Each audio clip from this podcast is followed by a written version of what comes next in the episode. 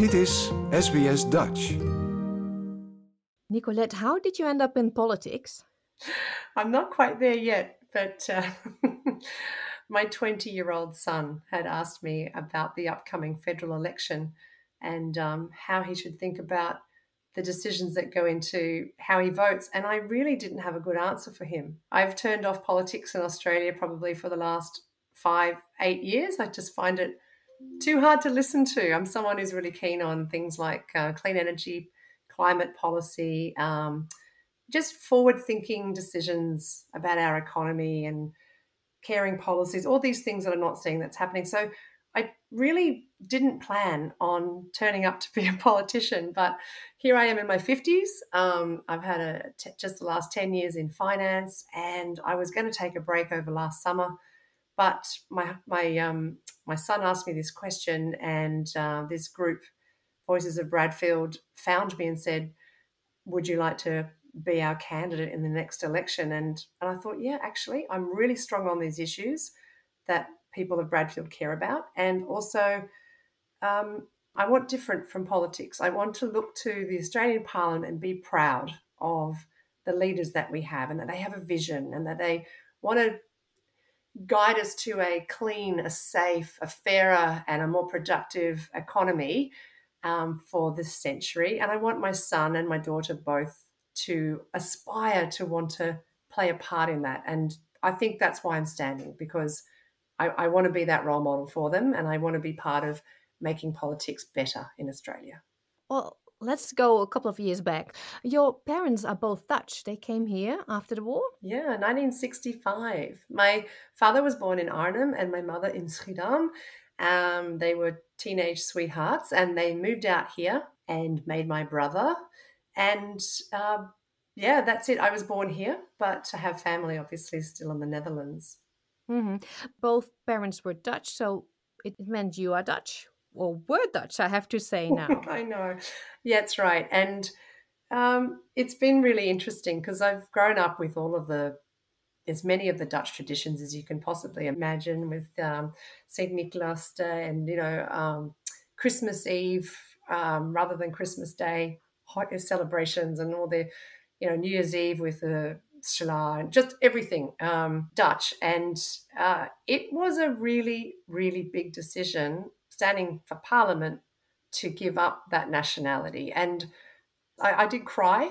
it was a really moving thing. Um, but I think I was more able than most people because my mother and my father and my children and my husband are living in Australia. I think if I was someone with my parents is still in the Netherlands, that would be not something I could have done. So that's what made it slightly less difficult but yes, um, it's been a, a really, um, it, it, was a big decision. Was it an issue for your parents?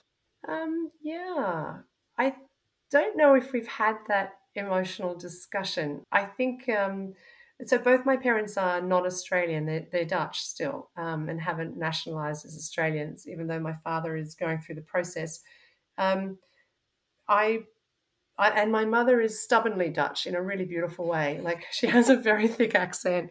She's very proud, and so she should be of her roots, and I am as well. But she will not become an Australian, she says, until there is a parliament that she's proud of. So, wow, I never thought of that. Maybe I'm doing this subconsciously to please her. Oh no.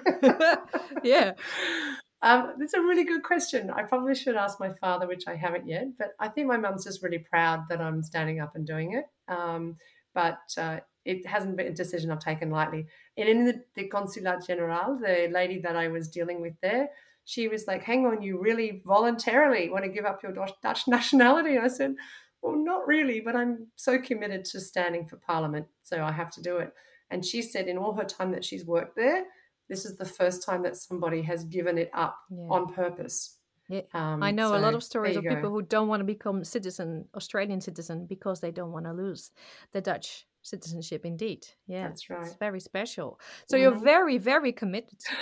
I am committed. I still feel a little emotional talking about that step, um, but yes, I am two feet in. I'm gonna I'm gonna do this um, to my best ability, and I think it's the right time as well. I think people really do want better representation, and particularly um, action on climate change and and things like a federal integrity commission against corruption, those mm. types of things. So yes, I'm mm. committed to those, and um, giving up my Dutch nationality is part of that commitment. You can see I wear on my sleeve. Yeah, well, your name Boele is uh, amazing. That's yeah. really. I, I read it and I thought that has to be someone with Dutch roots. yeah, I had to. I had to educate people how to say it. I know even my Dutch um, professional friends were laughing at me because I've told people to pronounce it Bulla, which is nice and Aussie rather than Boele. Yeah, but yeah, yeah, yeah. yeah, it's um, it'll do, right? yeah, as you know, there are different political systems in Australia and the Netherlands. In the Netherlands, we used to um, make coalitions can take some long time sometimes. Last time it was six months till there was a government. Um, have you discussed this with your parents when you were younger, or was it not at all? You were here. Is it a classic family that went to Australia and wanted to be Australians, except for the citizenship then? but you know, yeah. So I, I would say no. Um, my mother and my father, they divorced when I was five. So I went to live with my mother and my stepfather, her husband, who was an Australian and he had grown up. Um, he was schooled at Barker College up here on the upper North Shore of Sydney. And um, as far as you could see, he was a really traditional Aussie man. So I actually had this upbringing with, um, I suppose, both very deep, proud, rich cultures from both sides.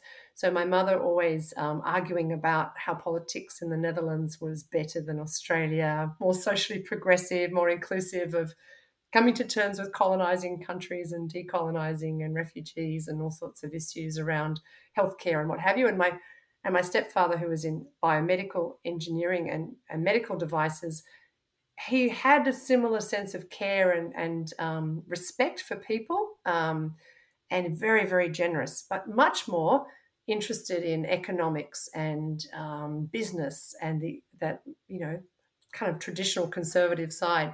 So I think uh, when you ask about the different modes of decision making in Parliament, yes, we had those discussions, but it was more of a Dutch versus Australian, and um, so in some ways I've kind of grown up with a much broader perspective, I suppose, on those things, and I'm not scared I have been what's called an aggressive collaborator most of my career. I think what I do really well is I bring together people from different viewpoints to work out what we have in common and to um, leave behind the differences and solve problems for things that we know we have to move forward on together. And I think I probably got that around the kitchen table with my stepfather and my mother when they wouldn't see eye to eye on different political issues. yeah. yeah, that's hard indeed. Um, yeah. So it's now campaigning time. Are you very, very busy? You're out on the street a lot, I think. Yeah, I am. I haven't worked this hard, I think, in my whole life. I'm doing sort of 17 hours a day, hence my voice is a bit croaky, um, seven days a week. So, yes, I am. It's a but compared to a lot of people, um, I'm really only doing this in earnest from um, the end of January, um, February, March, April, May. Some people take several years to campaign. Uh, and as I said, I didn't wake up and think, wow, I want to be a politician. This, this kind of unfolded for itself over Christmas and um, giving it my best shot leading up to the May 21 election. But it's been fantastic experience out on the streets listening to people and hearing about the things they care about it's been thoroughly enjoying even enjoyable even though it's really really hard work mm-hmm. and um, are you ambitious is member of parliament step one and who knows where you may end maybe we will see premier Boele Yeah, no, um, the only ambition I have, and quite genuinely as an independent, because I'm running as an independent, I won't ever be a minister or a prime minister or a premier. I'm going to be a representative for the people of Bradfield. And that's kind of somewhat interesting, but for some people, scary idea that you won't have a party member here.